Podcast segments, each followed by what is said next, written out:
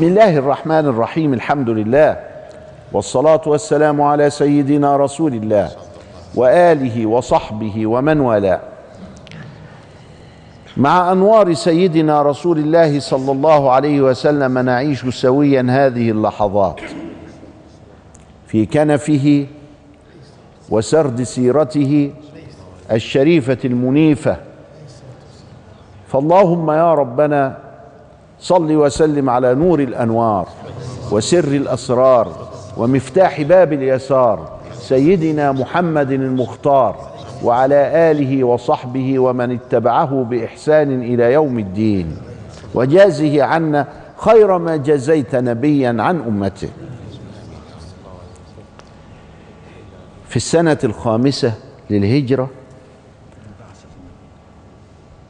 من في السنة الخامسة للوحي نحن لسه ما دخلناش في الهجرة.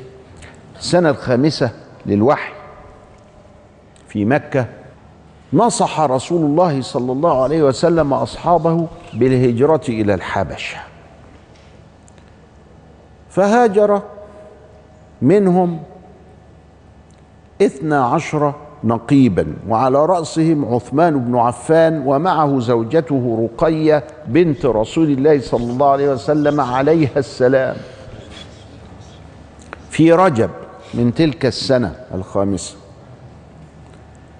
ومكثوا هناك إلى أن سمعوا أن قريشا قد دخلت الإسلام وظنوا الخبر صحيحا وفرحوا بذلك فعادوا. فوجدوا أن الخبر ليس بصحيح فدخلوا بليل إلى مكة في جوار المجيرين.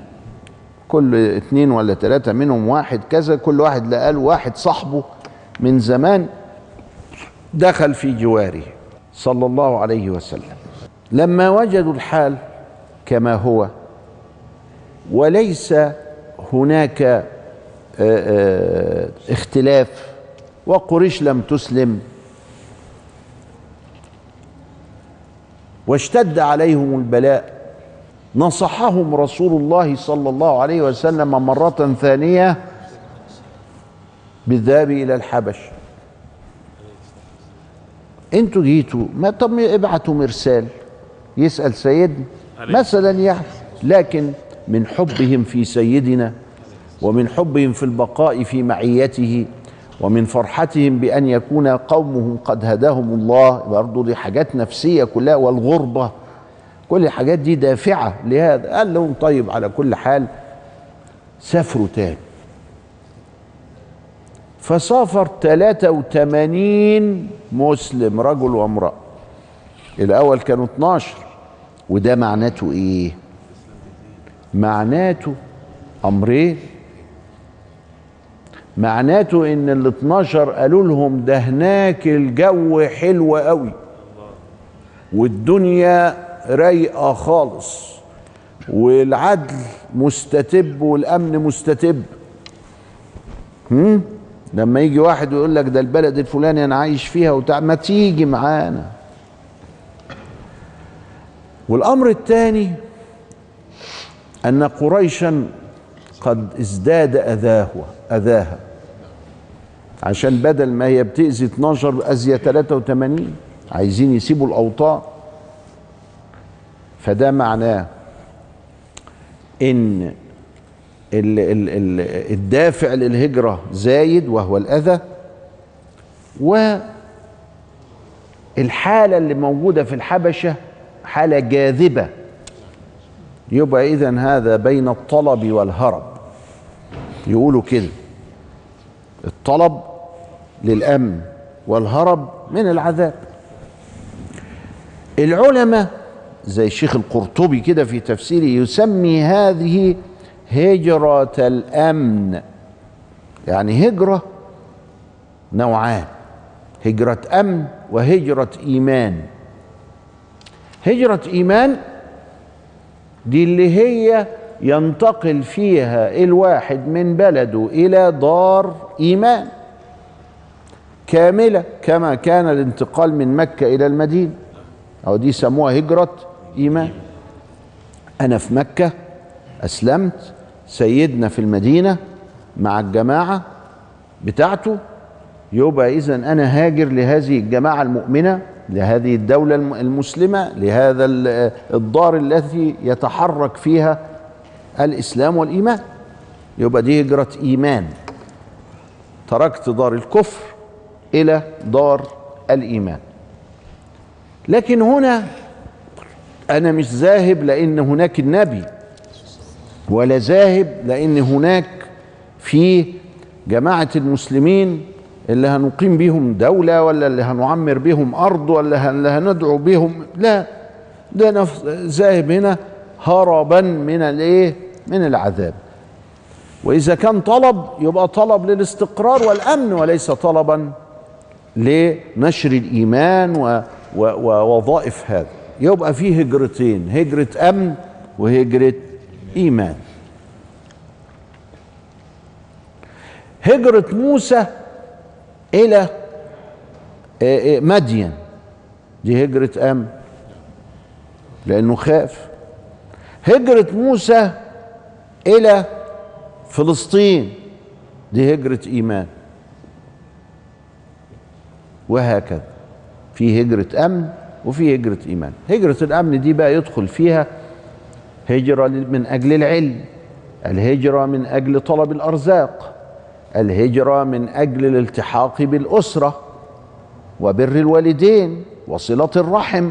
يحصل حاجات كده. ادي بيسموها هجرة أمن. يعني عايز امن في ديني في عرضي في مالي في حياتي في نفسي هربا من كذا. دي كلها اسمها هجرة أمن. أما الهجرة من أجل الدعوة إلى الله من أجل نشر الفضائل اهي دي هجرة إيمان. هاجر المسلمون الهجرة الثانية في 83 شخص هاجروا إلى هناك. برضه في سنة خمس في أواخر خمسة بقى. وكان حصل بقى فيها الهجرة الأولى اللي قعدت لها 40 60 يوم. وبعدين دخلنا بعد كده في كمان قعدوا لهم شهرين هناك رمضان وشوال. وبعدين على أواخر شوال راحوا واخدين بعضه أو في القعدة واخدوا بعضهم وإيه وسافروا مرة تانية إلى الحبشة. بس بدل 12 بقى 83 فيهم أم سلمة وأبو سلمة. وفيهم عبيد الله بن جحش. وفيهم وفيهم يعني فيهم مجموعة كده. واشمعنى عبيد الله بن جحش اللي بنذكره؟ لأنه ارتد هناك. لما راح الحبشة ارتد. إيه الفكرة بتاع الارتداد؟ الفكرة بتاع الارتداد بتحصل لغاية النهاردة. فتنة. إيه هي؟ لا. كل حاجة بتعملوها على المرأة. المرأة مسكينة ملهاش دعوة. ما حصلش إن المرأة هي كانت سبب هذا. لا. عبيد الله بن جحش لما راح يبدو أنه قد أدركته ما أدركت المفكرين والأدباء و... العقاد ليه كتاب اسمه الذين أدركتهم حرفة الأدب. ساعات كده بيبقى الواحد عنده رومانسية كده و... و... فعبيد الله ده كان عنده الرومانسية دي. فلما ذهب هناك قال الله طب ما دين المسيحية هو كامل أهو. عارفين راسنا من رجلي منتهي. سيدنا عيسى انتقل إلى الرفيق الأعلى. وفي بيننا وبينه 600 سنة وأكثر. فالحكاية واضحة وكاملة. خد بالك بقى من كلمة كاملة. كاملة هي السبب. بس كاملة دي مش اسم واحد. كاملة ال ال هنا حاجة كاملة. وده لسه ها نبت صغير بي بي بينمو اللي هو الإسلام. مش عارف هيجيب إيه بعد كده ولا كذا. أنا آخد ليه ال ال الناقص اللي لسه بيكمل وأسيب الكامل؟ دي الحتة اللي لخبطته. فراح دخل المسيحية. بعد الفاصل التي وقع وترك كثير من الناس في العلمانية في الإسلام. عايزين يقولوا ده كان الكلام ده في أوائل القرن العشرين. عايزين يقولوا فين الفصل بين السلطات في الإسلام؟ فين البرلمان في الإسلام؟ فين الدستور في الإسلام؟ فين رأيكم إيه؟ فكان لسه المسلمين بيظبطوا الكلام. فقالوا طب وإحنا هنقعد نظبط؟ نفس اللي حصل لعبيد الله بن جحش. ما عندنا هو النظام الديمقراطي الليبرالي العلماني الحلو هو من ألف للياء قايل لي كل حاجة.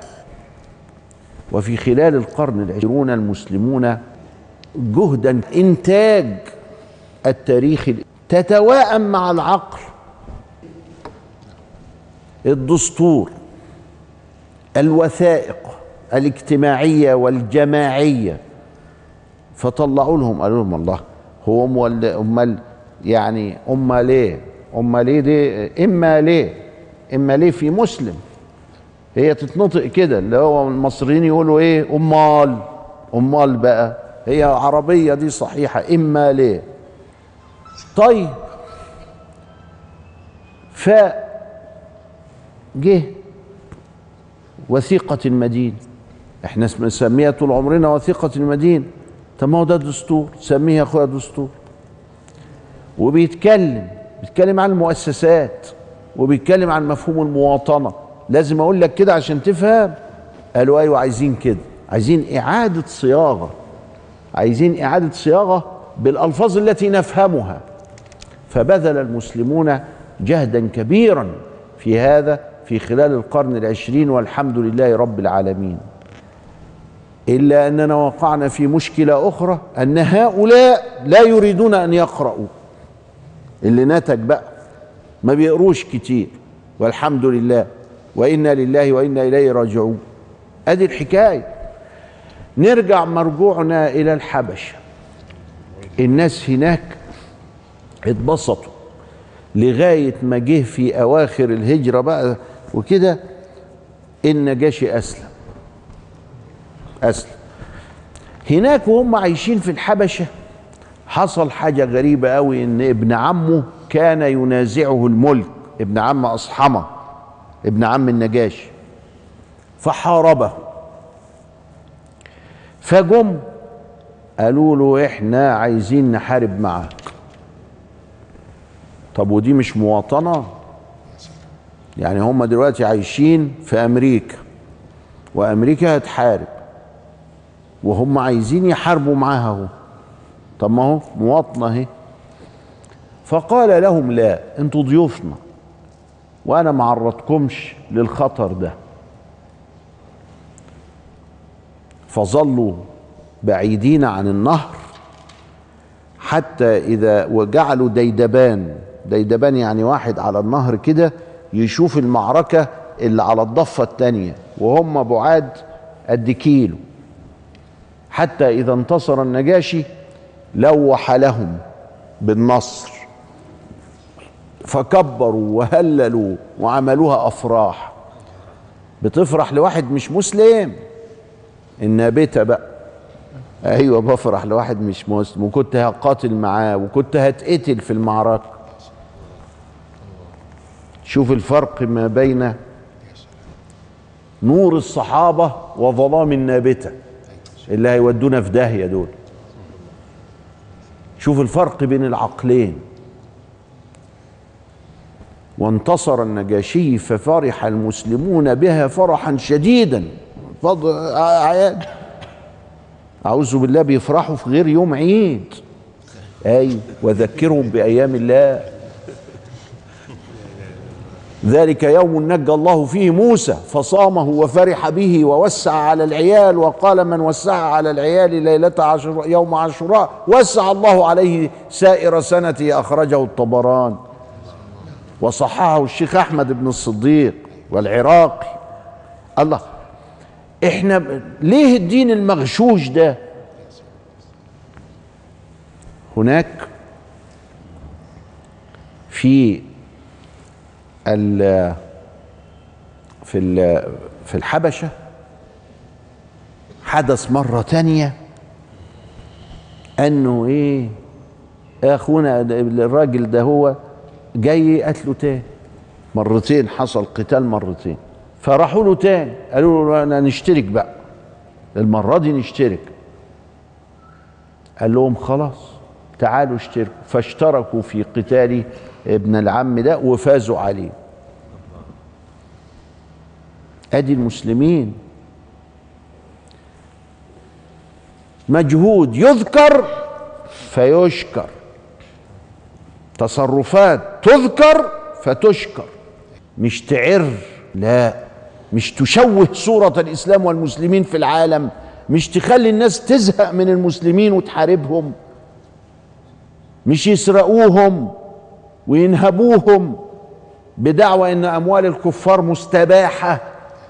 لا ما حصلش الكلام. ده ضحى بحياته عشان يدي واحد متشكرين للراجل اللي, اللي, آواه ونصره وحماه. شاه مش ندل هم عايزين يقولوا لنا إيه؟ بس للأسف ده بيقولوا لنا وبيقولوا للعالم إن المسلم مش شه لا المسلم شه وسيدنا سيد أهل الشهامة كلها. سيدنا.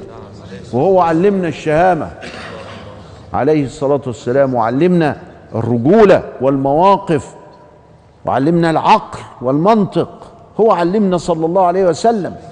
لكن كده اهو بالشكل ده اذا نحن أمام الحقيقة ورطة في كيفية قراءة السيرة عند هؤلاء وعدم ضم السيرة إلى الأحاديث مصيبة كبرى.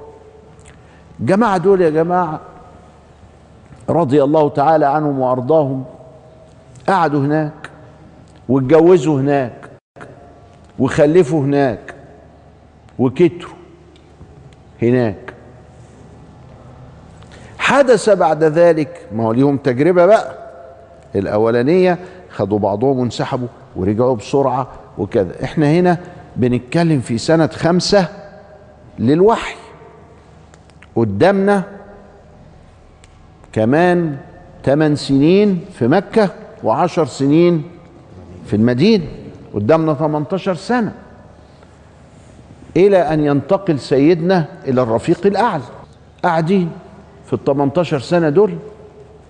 حضروا حربين انتصر النجاشي في المرتين شاركوا في إحدى أحد هذين في آه، الحربين في إحدى هذين الحرب هاتين الحربين وفي المرة الثانية فرحوا اتجوزوا خلفوا تكاثروا بعد ثمان سنين لقوا سيدنا انتقل إلى المدينة. رجع بعضهم وهو قليل وبقي الآخر. وسيدنا عايش؟ أيوه. ليه؟ دول بيبقى بيقوموا بواجب الدعوة. إلى إلى الله سبحانه وتعالى في هذا المقام. بيقوموا بواجب الدعوة. عايشين هناك. ثم إنه أصبح صاحب أسرة. والأسرة دي ليها حساب آخر. وبعد ذلك نكمل إن شاء الله تعالى.